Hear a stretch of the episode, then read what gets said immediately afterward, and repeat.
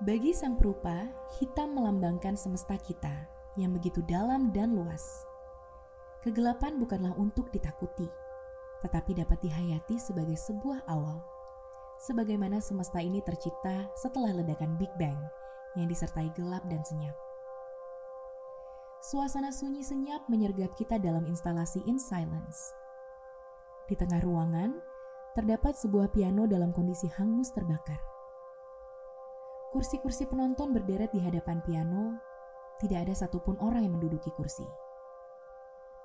Kosong. Kursi-kursi penonton berderet di hadapan piano, tidak ada satupun orang yang menduduki kursi. Kosong.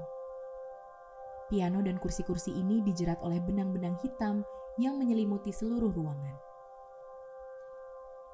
Menurut Shota, karya ini adalah sebuah meditasi tentang suara dan ketiadaannya di mana ia menciptakan visualisasi dari suara yang hilang.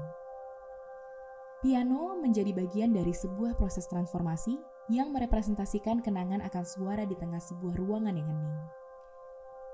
Karya ini merefleksikan kenangan masa kecil Shota ketika berusia 9 tahun.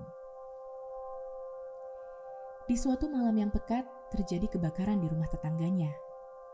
Keesokan harinya, setelah api telah padam, ia melihat piano yang hangus terbakar hingga hitam legam.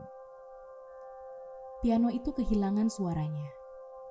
Namun menurut Shota, justru piano itu terlihat lebih indah dari sebelumnya, seperti sebuah simfoni keheningan yang tak terlukiskan.